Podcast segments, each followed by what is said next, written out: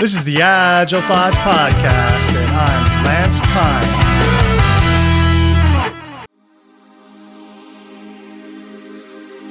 This is the first episode and only episode about assessing a waterfall organization for the opportunities that Agile would bring to it. This is a mega episode, so be prepared. Maybe you want to go get a, a drink and something to a snack to eat because this episode's going to be a long one. Although I usually like to split these shows into multiple episodes, the information content here is pretty dense, and so it wasn't conducive to being episodic.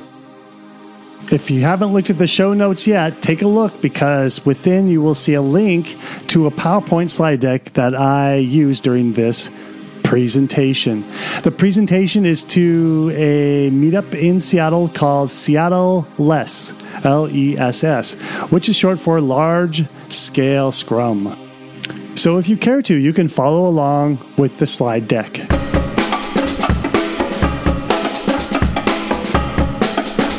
So, uh, welcome. This is our first meetup, Seattle area LeSS meetup group. If you're not familiar with LeSS, it's an approach to using Scrum in real organizations like, and without the bullshit. It's meant to reduce the layers, it's meant to simplify the organization, increase the skills, increase the self organization, less process, less artifacts, less handoffs, and, and all the stuff that comes with what people usually think of as scaling frameworks. Uh, if you'd like to learn, uh, about LeSS there there's just a few books written about it. If you count my little comic book there's uh, that would be four books. This is free. You can download it from my my site. Let me know and it's very good. I want to give you kudos on that. Oh, thank, thank you. you. Thank yeah. you very much. This is my has been my favorite book. I've been using it for my coaching work for the past couple of years, and the idea is in it for years longer than that. This is the third book about LeSS, and the one that I recommend reading first. If you're hardcore, then you can read the first book about LeSS and the second book about LeSS. I wish I could get clients to read this much information because it would save them a much. It would save them so much heartache if they want to really uh, make a difference, make a fundamental change in their organization rather than just rename everything. Our guest today is I'm very happy we've got Lance Kind, uh, who's also familiar with books. He's written them. he doesn't just read books; he writes books. And uh, I'm, I hope my screen's not lagging. Oh, that oh, you can actually yeah, see. Yeah. yeah. Lance's been doing XP since the 90s, late 90s, and he's been an agile coach since, uh, was it 06, I think? Yeah. Or so. And right. um, I have not heard this talk, so I'm very interested in it how do I? Uh, what do I do now? I'm going to go ahead and switch here. First, first uh, meetup. Bear with me. I did my first virtual CSM these past two days, and quite an experience. So you should see my new view out my window of my studio. You know when that when that's there. We do. We see it. Ah, excellent. So this is Kirkland. This is my backyard. It's, uh, it looks just like the virus has all kinds of side effects people weren't expecting. Yeah, yeah, it's it's uh, yeah, it's freezing up things a little bit. We're going to take questions over chat, but if you're really confused or, or I'm just totally missing something, just say something. It's okay. So so we're, we're flexible, but uh, uh, you know if you have a if you want to be less disruptive, you can use chat, and I think Michael will then disrupt if it's if we should jump in or not.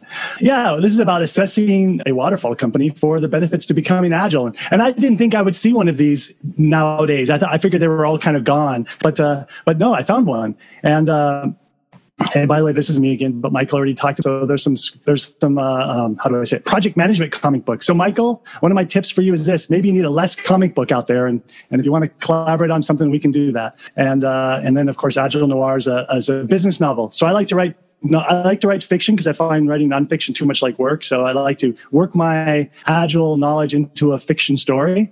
So I write uh, in this particular book, it's a, a noir um, story about a project manager who's ends up on a project for the mob and, and has to, to convert has to convert his waterfall project to agile in order to survive. So, so I like to have fun in writing. I, I like to have fun in giving talks. So hopefully this is a fun talk. So if you're not, if it's not a fun talk, then well, you can complain to Michael. So the company, I had a, it's anonymized here, but the company's a regional health insurance company, not in this region. They are IT and IS is about 400 people. The business operations is about 400 people, and they're doing waterfall. And what has happened is the CIO has seen some really interesting or cool and beneficial things happen when he partners with vendors who deliver some of their projects using Agile. And he says, Hey, I want some of that. So what we'll cover in this talk is how, how the assessment was done, results of the assessment, the custom target operating model that recommended for this particular situation, which is all using my training from LeSS as a, a LeSS friendly practitioner, proposed roadmap for the targeting operating model, and then just a end note on some of the stakeholder feedback. So the scope of the so now we're getting into the scope of the work. The scope of the work was, you know, they have like about ten teams, and they wanted to find out the feasibility and you know what what are they ready to to go agile was kind of the was part of it. And then if they're not, what do they need to fix? So when people say 10 teams and they're a waterfall company, the, uh, the Agilist is already at a disadvantage because you're sort of thinking, go ahead, can somebody mention how many people should be on a team? Six. Ah, there we go. So let's say around six. But the problem is when you're in a waterfall organization, 10 teams really means 10 groups. And uh, what it really turned into be, uh, if you're going to agile size it, there are about 20 teams. And so right there, when we're talking about a fixed bid, fixed deliverable, you know, four week assessment, you know, I'm going to have to hustle a little bit because uh, as I suspected, because I kind of predicted this, that these teams would be large size, as in they're not, they're just teams in quotes. They're, they're resource groups that, that report to a manager. So it's more about org structure. So the teams ranged, they could have 40 people on, on one of those 10 teams. Some of those teams have, have folks in India or, or well, offshore in multiple locations, quite frankly. So the plan was like this ahead of time, I got a meeting room set up so that I could sit in one place and people come to me rather than me doing things like creating the poster you see here and then having to run it around the, the building and find meeting rooms. So for efficiency purposes, uh, we got a, a, a, meeting room and uh, people, you know, knew where to go at that point, and I knew where to be too. So week one, I interviewed the leaders and their and I interviewed their leaders, and then week two and three, I interviewed the teams, and uh, and then I, week three, I, I, interviewed the business stakeholders, and honestly, intermingled among everything, I would go observe some of the teams. Uh, um, uh, ceremonies because even though we say this is a waterfall company because they are you, will see pretty soon that their operating model is waterfall the they did stand-ups and they were doing they were using Jira and they were using Jira like kind of like a Kanban team would. And so they were weren't doing sprints, but they were doing some kind of flowish representation of their work. By the way, your eyes aren't failing you. That slide is blurred on purpose because you know, it's got. It, if, if I was to redact things, it would be too much. And so this is just to give you a general overview. So I do transparent interviews in these cases. Uh, and in most cases, I prefer to do this. I don't know if you've done a transparent interview, but that means in all those meetings I have that, that were described in my plan, I would have a room, a big whiteboard, and uh, some maybe some charting paper, and would just take notes on the wall rather than writing on my notebook because I always find that kind of an anti-pattern. So in a way, I'm doing mob. If you think of the mob pattern or pairing, uh, I'm doing that pattern because I believe I can get better quality out for the time I spend. And some other nice things happen is a lot of times I can get attendees to take over for me. I just, they can they, they start telling me a bunch of stuff. I hand them the marker. They go to the wall. They, they they start writing stuff. Sometimes I even get them to facilitate with the rest of the team. They say, "Hey, is this right? I don't know if I'm right." And I say, "Well, ask the team." And then the, the other people would would pipe in. So I try to. Uh, that's what I do. Is I get the information up there, then I snap a photo. This thing across the top is roughly a a flow from left to right of these white boxes. And I need a model in order to start to have this conversation. And, and one of the deliverables at by the end of the meeting is to have the duration of each of these boxes along with the wait. So, um, and you'll see a, a little bit of a nice to report about that later. So that's what all this scribbling is, is, is along this linear line, uh, the different things that are happening in the various stages. And this would be for the team interview. With the interview with the leaders, we don't get, uh, I go ahead and I may ask them these, these, things, but generally with the leaders, I'm more interested in what their goals are, what are their pain points, uh, what do they think about Agile? And because I'm there trying to kind of uncover uh, cognitive biases against Agile or, or allies and also just learn what pain points they are and discuss a little bit about well, what Agile could do to help some of those things. Here is the current operating model as I discovered it. So I did these interviews, and now you're going to see some of the output that went into the report out to the execs. So the current operating model it looks like this. Now this is waterfall. This is going to be quite shocking if you haven't seen waterfall in a while. So in August, they do portfolio planning, which means everybody, uh, not everybody, the business and project manager. So some people from the business, some people from the IT project manager get together and they work out what they're going to do this year. And uh, that's a portfolio plan. And then they, they argue among the stakeholders and work out a priority. So they get a list of about, I think it was 15, honestly, it was about 30 things, which is a big list. But uh, only some of those things are things they do all the time meaning they keep the lights on and maybe there'll be some upgrade infrastructure stuff. But uh, what I quickly started learning more and more was that the project stuff was really what, what people were passionate about. And honestly, that's where the, the business, what the stakeholders really wanted to have improvements on. So this is now about the portfolio planning that happens for for the year. And that portfolio planning starts in August and it runs from through September and October. At this point, the, the PMs are starting to, to um, work out high level scope, you know, we call it sizing, not, not estimating, and kind of get an idea of how many people they need or what teams they need to bring in for the next step. And then the next step starts impacting those uh, delivery teams because they are now doing they're now part of the upfront planning process here and they're uh, developing the business requirements documents. So that's kind of weird, I thought, because why is IT people doing the business requirements documents? But uh, somebody has to do it, and and and I and it wasn't always IT, but somebody had to do it, and sometimes that that analyst was on the IT side rather than the business. Um, so and then about January, February would hit, and that's where they start working on the plan that was defined in August. So, what are all the teams doing in this period of time? Does anyone know the answer to that?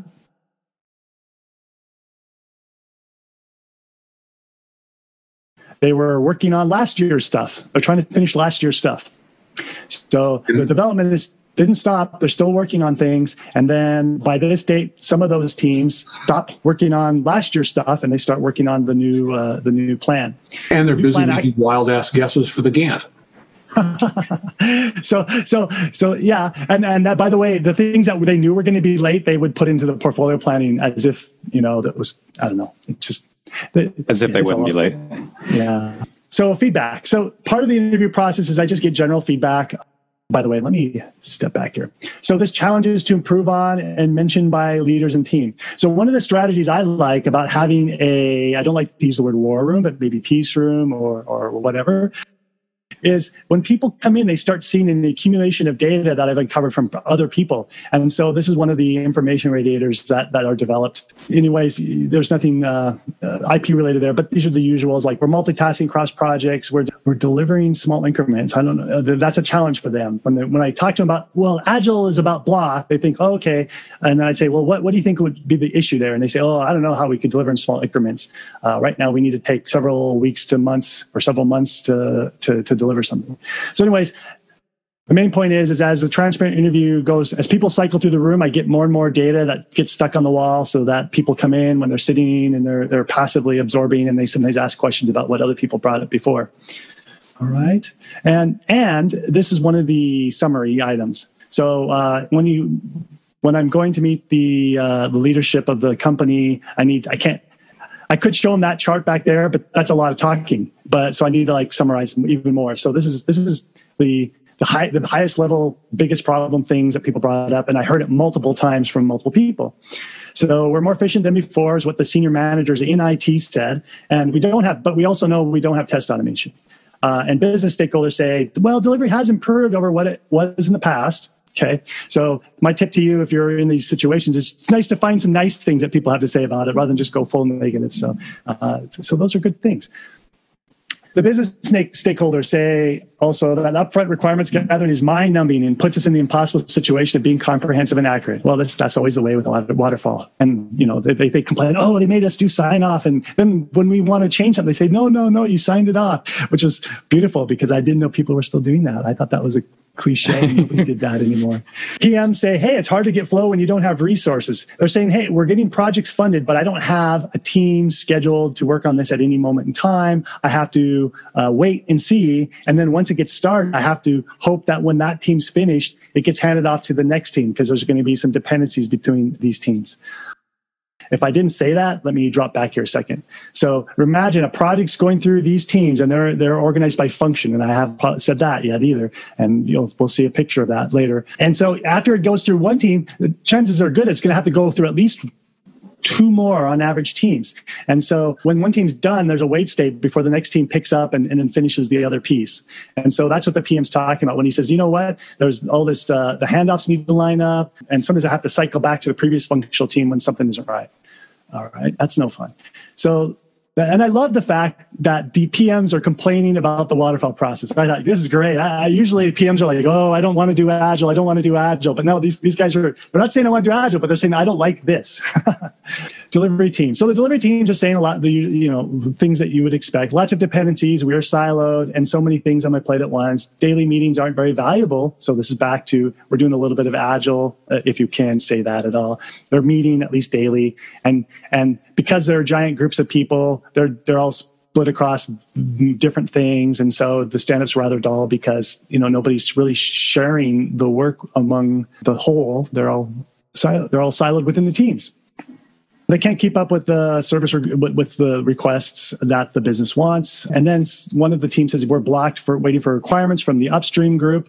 Well, that's true. Some of these teams are doing handoffs to each other and they need requirements from each other. There's one team in particular we'll talk about soon no time, people to automate our work.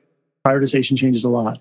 The programs. So there's a few programs that run through this company. Now the programs are operating actually as mostly cross-functional, so they're in a lot better state. So there's a couple programs like Salesforce is there's a Salesforce program and then there's a Portals program that, that are operating differently this is important to know. So what I've I've learned when I when I when I uh, when I talk to the programs, what I learned is oh, so this company does kind of understand cross functionality because they have a couple of them running. They just haven't standardized on it. They don't know how to break away from the old waterfall work breakdown structure to to doing what these other groups are doing. So I found some odd ducks, and now I can kind of help use those as examples of look, you can do this. I know it because you have these programs doing it. The business stakeholders say the meetings with portals are electric. So that's one of the other programs that's working with one of the agile vendors, the agile, the vendors that do agile delivery. Uh, the meetings are run by people doing the work and are very active, and we would welcome more of that style of collaborating with IT.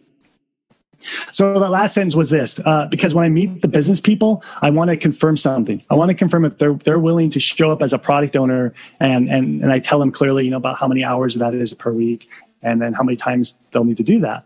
And I said, so so you, you don't like upfront planning and the sign off, but there's this other way, but you're gonna have to give, you know, somebody's gonna have to show up and, and represent the requirements and, and at least has to be this much time, but ought to be this much time. And everybody, at least they told me in the meeting room that they were they were they were open to that.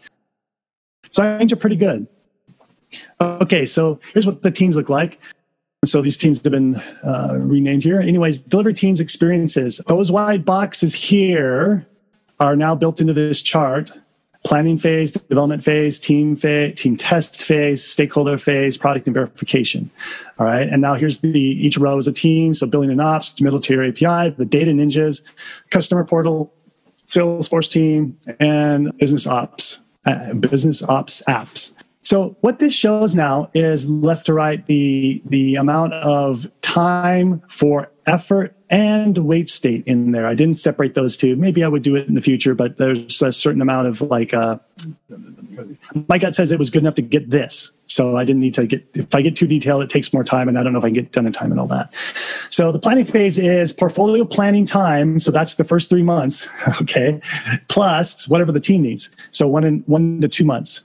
So, so the, the, the interview goes like this. So for a, a typical software item or uh, requirement, and they'll like say, well, you know, we have small ones, we have big ones. Like, okay, then we, we, we talk, have to use a lot of words to work out, okay, what's about an average nice size item? And they say, okay, it'll be like this big. And then, and then the conversations around, well, how long does it take? And, and then that's why we end up with some, frequently end up with a range.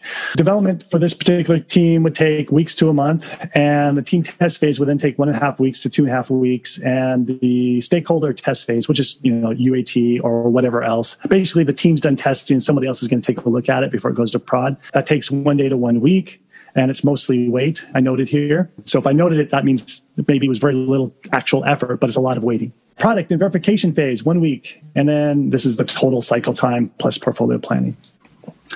Okay, so each of these teams takes a bit of time to get the work through, and uh, I circled the areas that I felt were the interesting outliers that I want to really address with management. And uh, you know, a lot of this is about the, the, the manual test effort that's going on with these teams, and and the value that automation could bring, even if they change nothing. If you just start automating, you're going to get some value uh, right away. Uh, meaning, if they didn't change to a new operating model, they would just start fixing that. That would be valuable. So there's a bunch of stabilization phases that are happening. These two are kind of in the middle because they're, they're, that team was a little tough to pin down. They have some developers doing testing, and then oh, okay. So the, the portal team did some actual test automation. Their vendor, the vendor who, who's doing the agile operating, creates test automation, and then there was some other uh, system level functional testing done by the other part of the team that's located on site, and then the stakeholder phase. So those numbers are a little weird.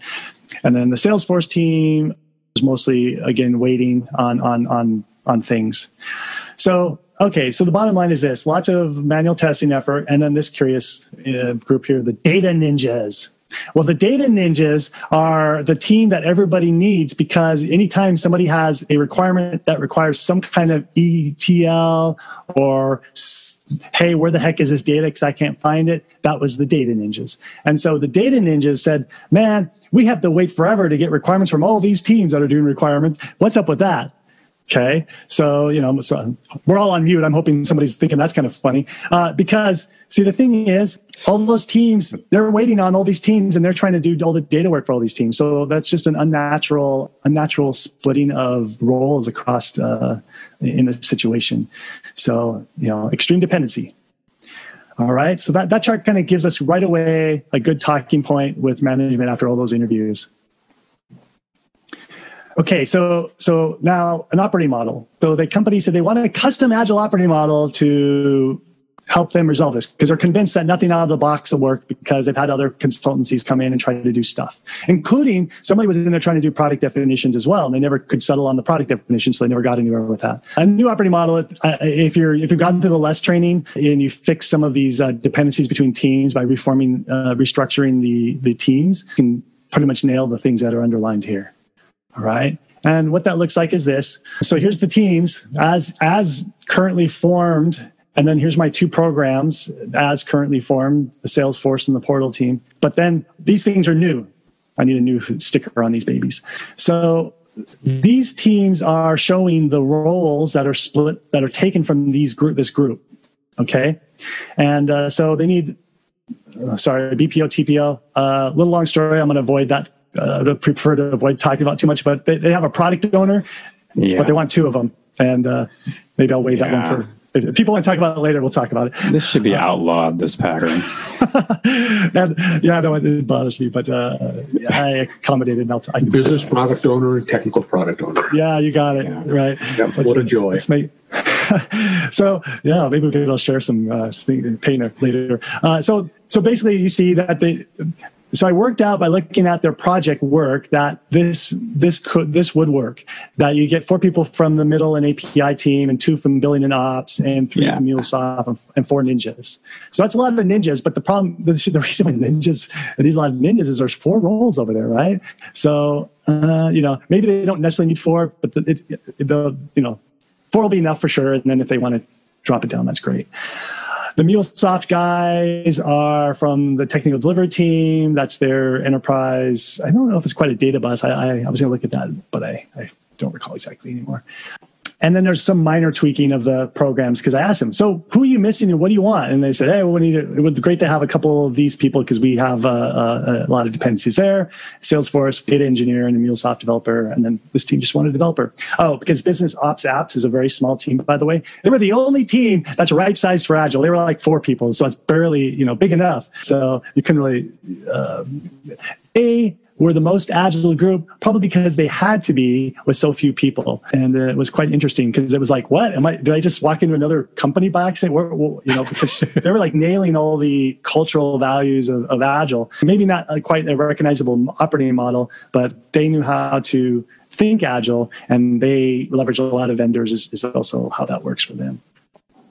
Um, okay, so so that's a new opportunity. Oh, let me explain this just a little bit. So the portfolio planning would happen, and I said, well, you know, you could keep doing it as is until you're comfortable, and then of course you would want to do this as you learn with LeSS. You want to, you don't want to convert the whole organization at once because it's too stressful and people will freak out and and uh, it might not it'll be high risk so so the conversations about having you know start with one team or maybe two teams and form them and then take some project work and identify an example for the for them as well with specific projects so what does this conceptual mean this conceptual is okay so what they the words they would use is this is a, a project and the project has multiple scope items. So this waterfall company did one thing I'd never seen before, which I thought was a cool idea, is they actually have built-in incremental delivery, sort of, just no no iteration, uh, built into their their projects. So they had they broke their projects down into smaller items that could be delivered and have some business value in case it didn't all finish. So they kind of already accepted like, yeah, you know, we don't usually get the whole project done, so we're gonna we're gonna control our risk a little bit by uh, by by creating uh, by structuring our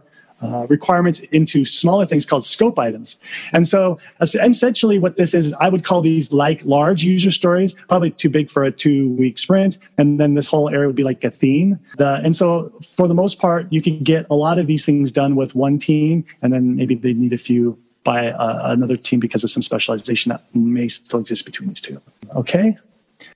And then, so yeah, this would be like one different thing, and this would be another completely different thing, and another completely different thing in, in, I think in normal terms, these would be separate projects, but uh, this company's it's a little hard. So, so one of the conversations I had with the PMO director was about product definition. He says, "Man, he says, don't even try." He says, "We've had people in here for I, I don't remember how long it was. It was at least it wasn't a whole year, but it was at least a good number of months." And he says, "What we ended up is all getting stuck on defining the, the bloody product so we could form our teams."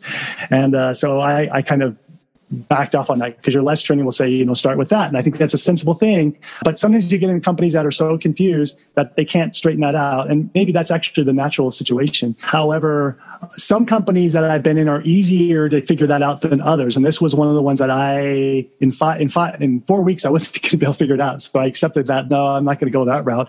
I'm going to approach this from a observational standpoint. I'm going to observe the kind of project work they do and look for patterns. And, uh, and I still wasn't there long enough to start saying like, okay, based on this pattern, this is your project. And based on that pattern, that's, this is another project. But I did leave them with one example where one of these teams could do certain kind of project work with few dependencies and get things done. I think that will help them get started on, on, on inspecting and adapting on that idea with the other prod, pro, uh, on the other work items so that they could eventually get to something like uh, products. Um, okay, so so yeah, the new operating model means you know, requirements go directly to a team rather than through rigorous pre-planning, uh, the BRDs, detailed documents, test plans, etc. The team's backlog so a team with a single backlog will stop, will prevent, unless the product owner is crazy uh, or the team is crazy, multitasking across multiple projects and allow them to focus on delivery of, something that's end to end and then reduce handoffs and wait states between between uh, those other things such as the data ninjas and the, and the billing and ops part.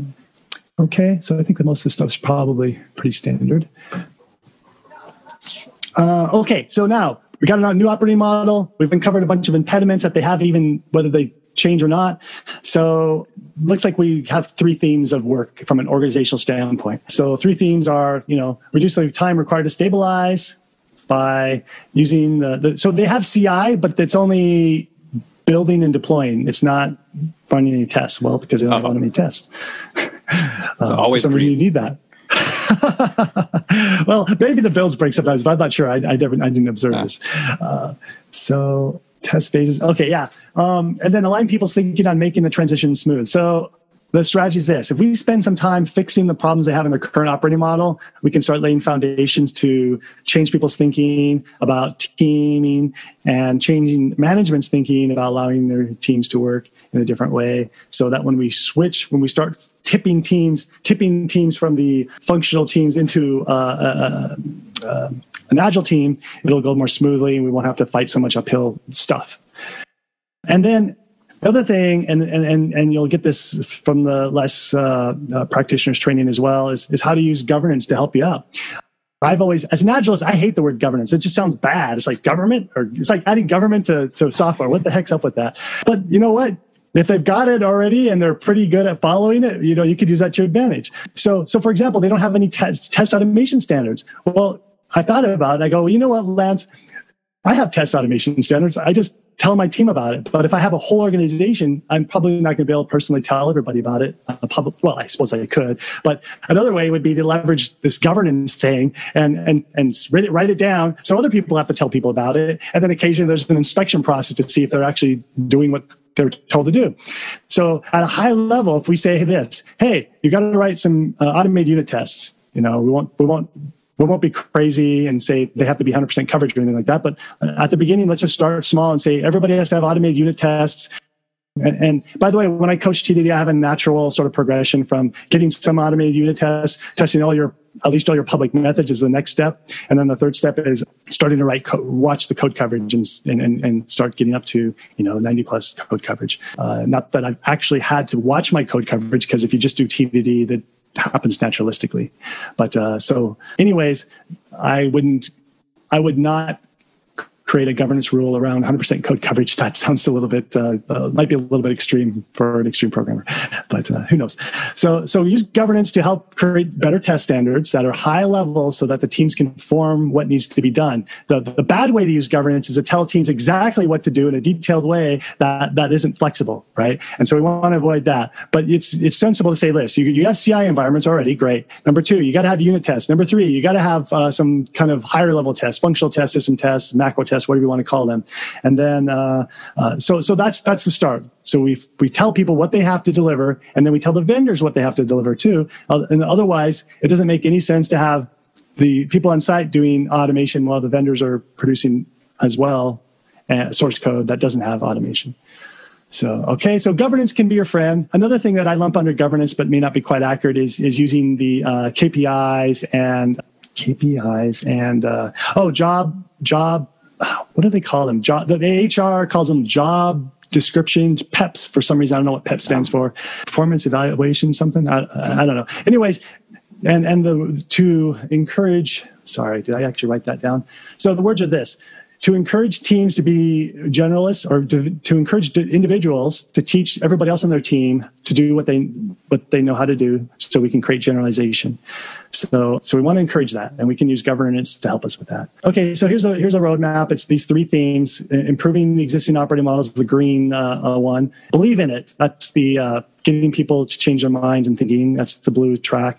And then the jobs, job roles and KPIs is the, the governance track. So I don't know, there's a lot of details here, but the main thing is, is basically go to each of the existing functional teams in the first 12 months and get test automation going, as well as helping the facilitators be more agile minded because the things I was observing, it's, it's pretty hit or miss at that company, whether the facilitator is the uh, scrum lord versus the scrum master. This one, the believe in it, let me explain a little bit. So at a company, when you, when you talk about you should be able to deliver something simple in a day. That's that's been kind of one of my uh, keystone that is one of my keystone beliefs is that any organization can deliver something in a day it may be a small something but an end-to-end small something in a day. And uh, uh, most when you're in an organization like this nobody really believes that. The developers don't believe it the managers don't believe it nobody really believes it. So so a strategy to, to kind of shake that belief and start showing some kind of success in that area is to do what most people would call a hackathon. Uh, so a day hackathon. Now, I call it build in a day because hackathon's a little bit alarming to companies who are up, who are all about stopping hacking.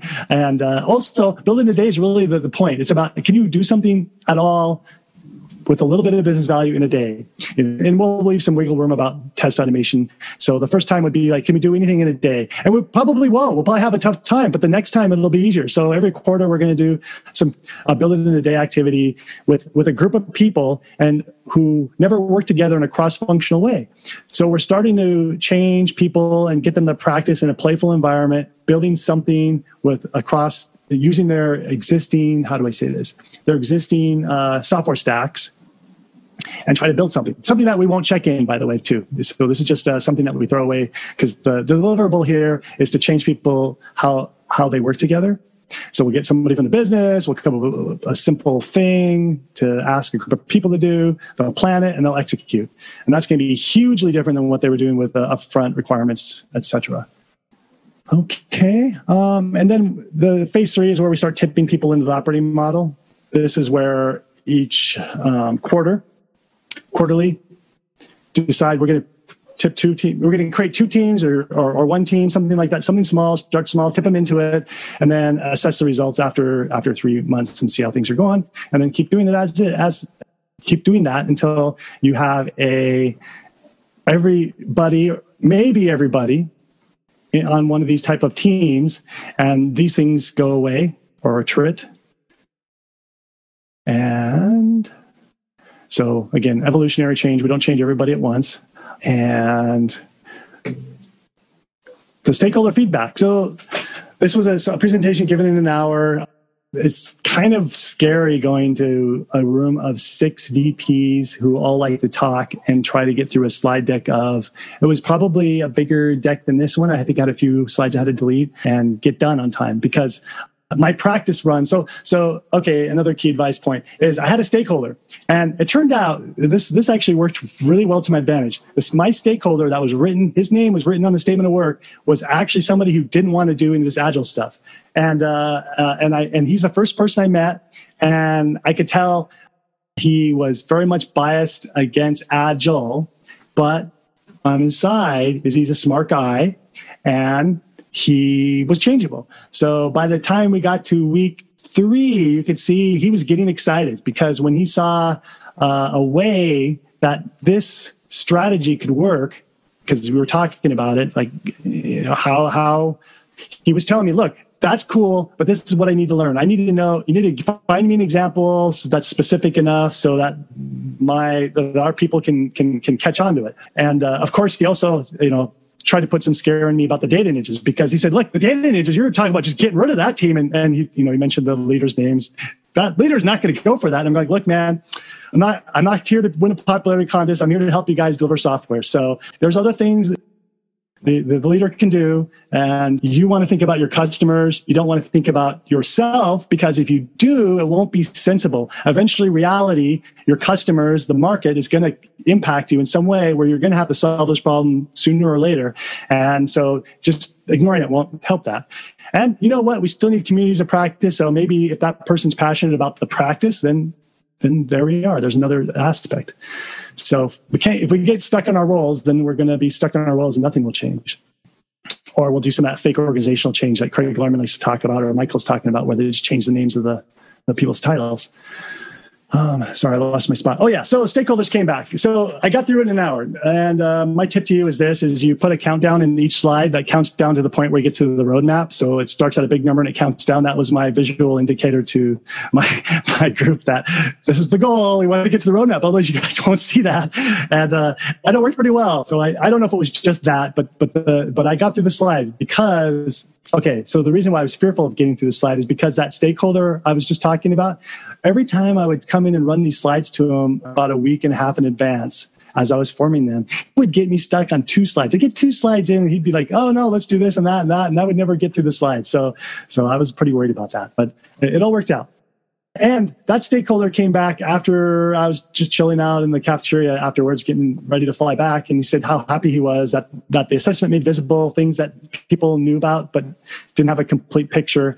And then another stakeholder came by the, uh, uh, from, um, uh, from ops and, and said, you know, how, how people knew these things were happening, but nobody really wasn't, as a group, they weren't conscious of all of them. So anyways, they were both pretty happy to get a lot of information about that.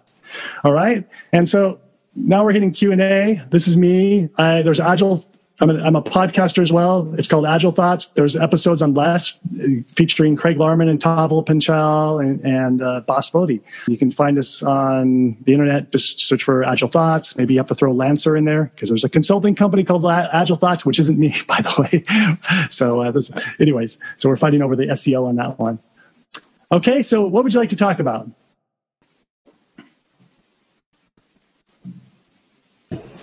Uh, well, there were some questions right off the bat about whether you will share these slides.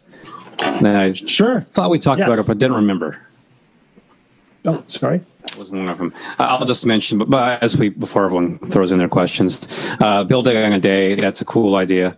Doing it at the the frequency where it's enough to wake them up, but still it's not going to uh, I, I kind of like this as a as something I want to try, shake them up a little bit.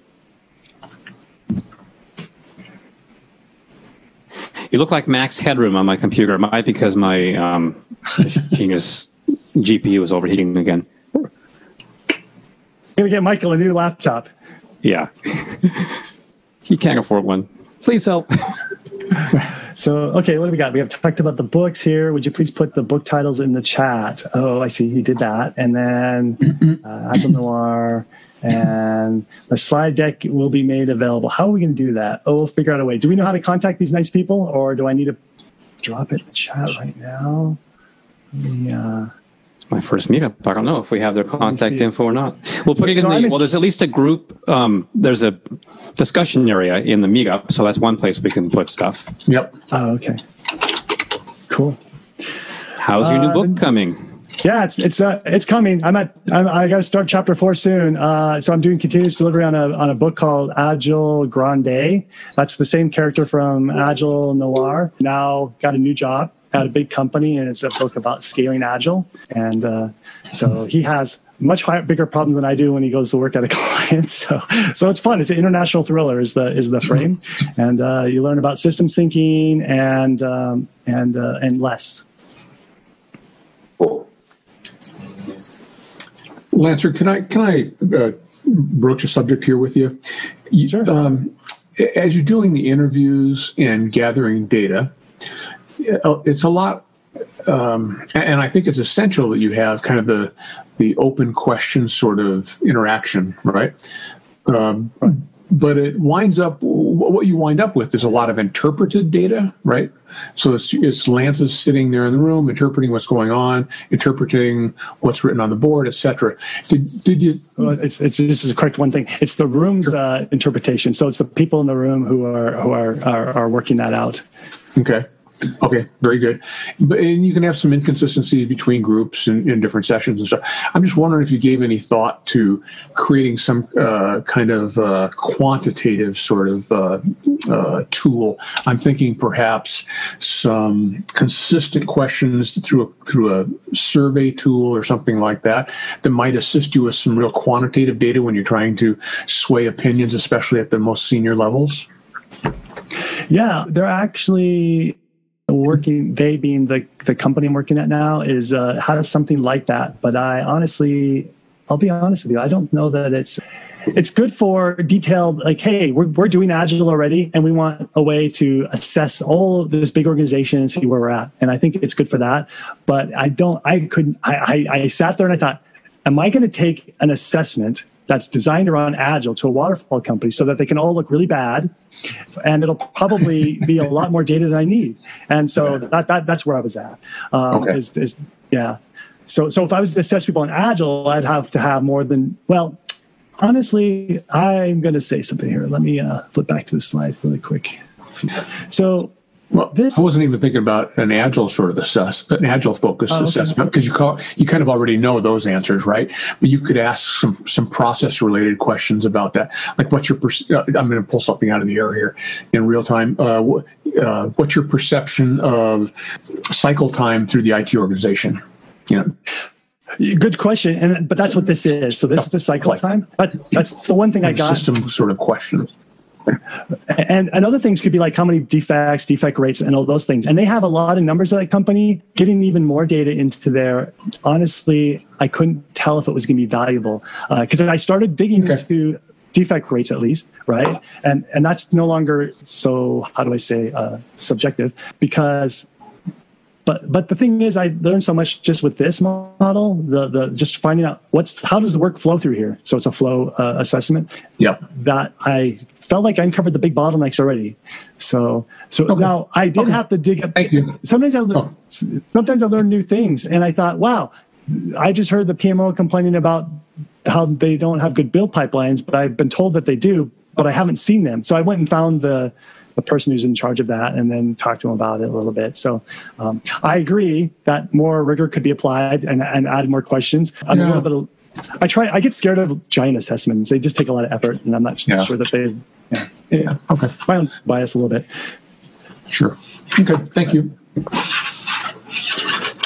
If you have a giant assessment that you lo- lo- lo- love, great, keep using it. I uh, I've used a bunch of different ones, and and uh, sometimes uh, I, and then the the big one that we have at this company I'm working at now, I still question it. It doesn't give me a quick big picture uh, uh, of where to even get started. It doesn't give me the holistic view.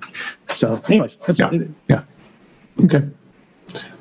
Yeah, I notice it's something that people ask for a lot, and they, it's almost a kind of vanity. They want to, how do we compare to the other places you've worked with? Yeah, they seem to want to know that. Oh, tell me they, about that. Uh huh. Keep going. They, they they'll tell you, oh, we have, this is fucked up here, and this is a mess, and this other thing, and oh, but I'm sure the other places you go to aren't as messed up as this. Uh, right. I've, I've heard that too. Yeah. How so, do you answer that question? Well, and that was asked to me. So I was in uh, Huawei, China, and uh, they were asking, they were telling me about how Microsoft must be a wonderful place to work at because you know Huawei was so tough, and and people have to you know really get things done, and they work late, et cetera, et cetera. I said, man. I don't see a big difference. Uh, you know, I've, I've, been at Microsoft. I've done some contracting in Microsoft. It's kind of the same. So uh, sometimes it, makes people feel good. And, and she said that she says, "Oh, that's really comforting to know that even if I was at Microsoft in Redmond, it wouldn't be just this this paradise. It would be tough. so, so she was happy in a way. remember one of the Google employees writing the same thing. You know, the perception of what the company is from the outside must be competent, fully everything, and then actually working there and, and can't even do any work. Most people because there's so much. Everything is about coordination or what we call coordination chaos. Uh, some else? other ideas I liked uh, the having them uh, doing the transparent assessment, so doing that in on the wall in front of them instead of in a notebook. Yes. Um, I, I, yeah, I really like that, and having them contribute. So it's not just your assessment now; they have ownership of it, and they uh, it's no longer something a consultant's selling to them quite attractive idea and they're learning along the way because people different people in the team because they haven't done been doing retrospectives right? So they're like learning about kind of like a retrospective about what the heck's been going on. And different people are they're they're already leaving with some information about the assessment before it's even delivered to the execs. And, and yeah. here's a bit of advice. If you do transparent assessments you need to think carefully whether you want to have a manager in the room or not. So I've had, you know, a lot of success with managers in the room, and then sometimes I've had not good success. So yeah, that one. Uh, so when I met the leaders, got to know them. That was nice. Uh, and then later, one of the managers said, Hey, can I go to the assessment? And based on what I saw in the leadership meeting, I thought, Oh, she'll be great. But it wasn't so great.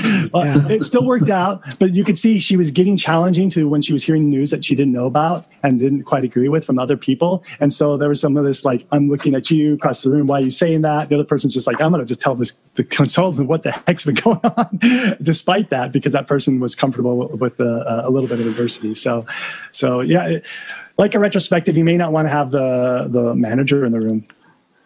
One of the challenges, uh, I guess, is not being the snitch or not being perceived as the uh, person like that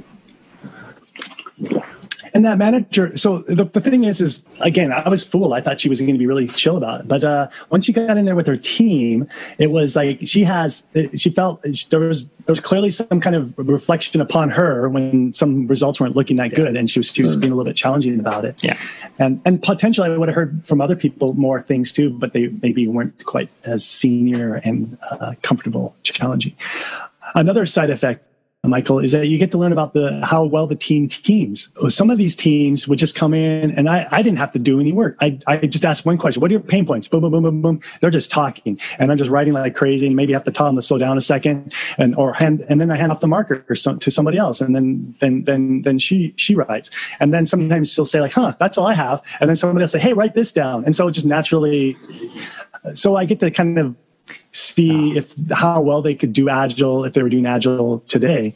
And uh, some teams would be you could tell we're just ready for it. And then some teams were, were going to be you know take a lot of time to free up their, their themselves. You just reminded me of a trick that i learned from uh, jerry jerry weinberg which is when you're writing a list of things a bulleted list on the on the mark on the flip chart or whatever uh, his trick was always put another one there and and then leave it blank because people see like it fills up and they'll think, okay, now it's done. But if you put another tick mark there, then whoever's got something to say in the room, oh, what what about that thing? What's nice. the thing that we didn't say yet? Because oh, there's always something else. There's always something that hasn't come to the surface yet.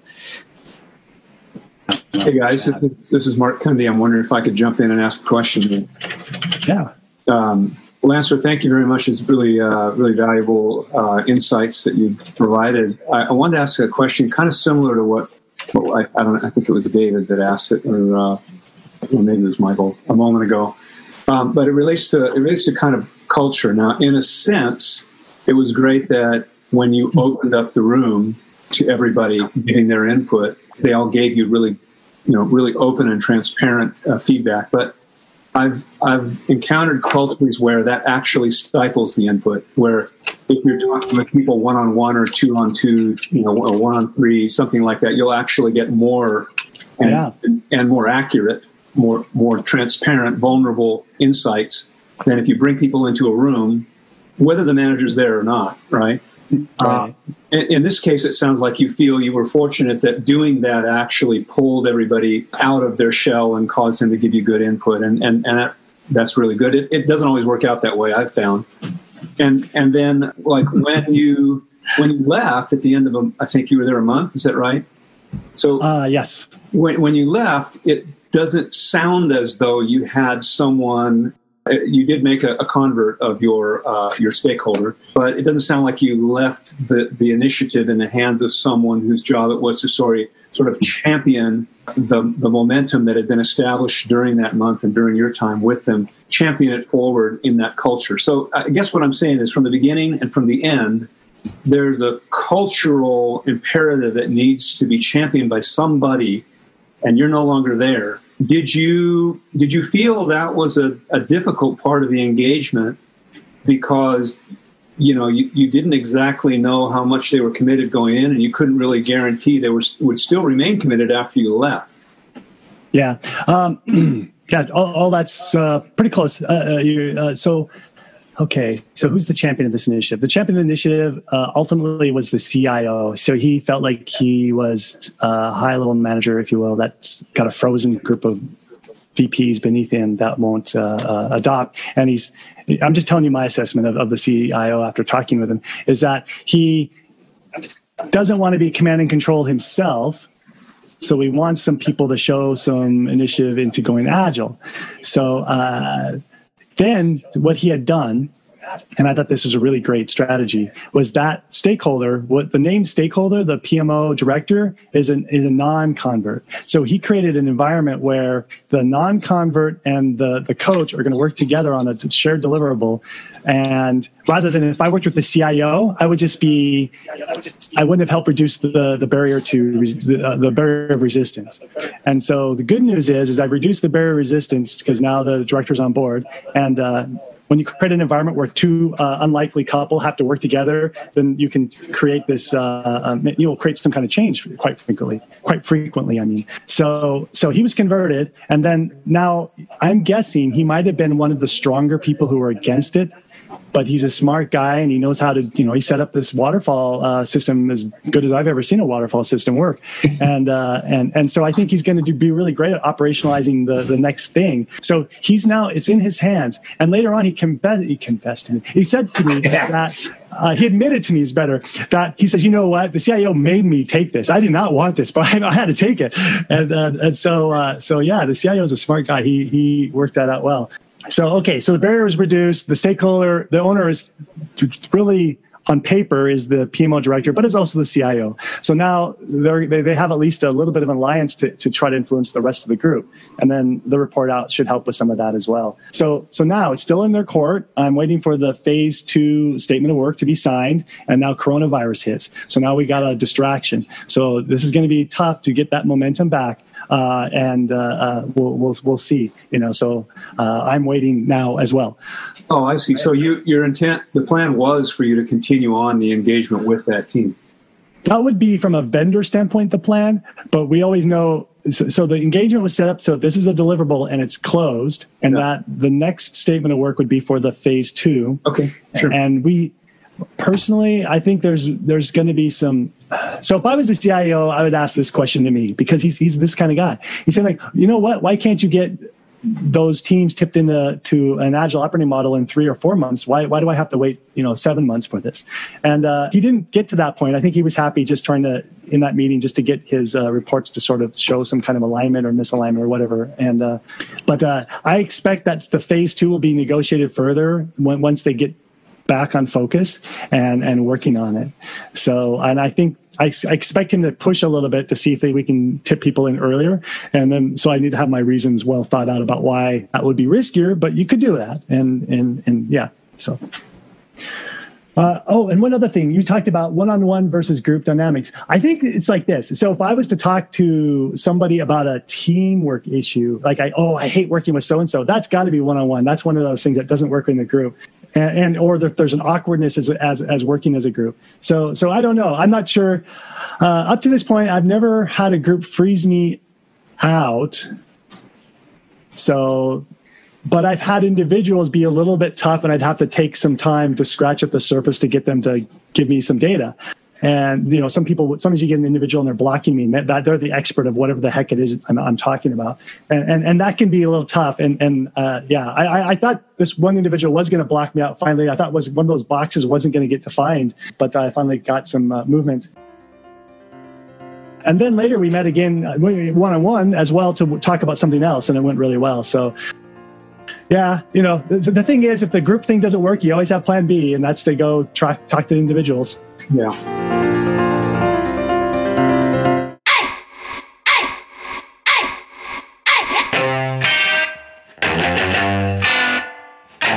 Are you new to Agile or Scrum?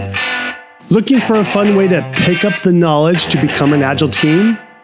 Go get the novel Agile Noir.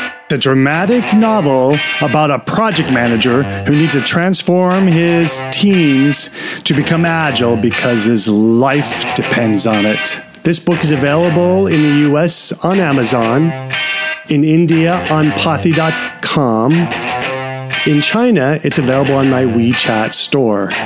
Links are in the show notes. And there's goodies in the show notes, like the slide deck that was used in this presentation. What are show notes? Show notes are text files that zip right into your podcast player, and it's there for your easy access. If you don't use a podcast player, go back to the website where you downloaded the MP3 and you will see the show notes there.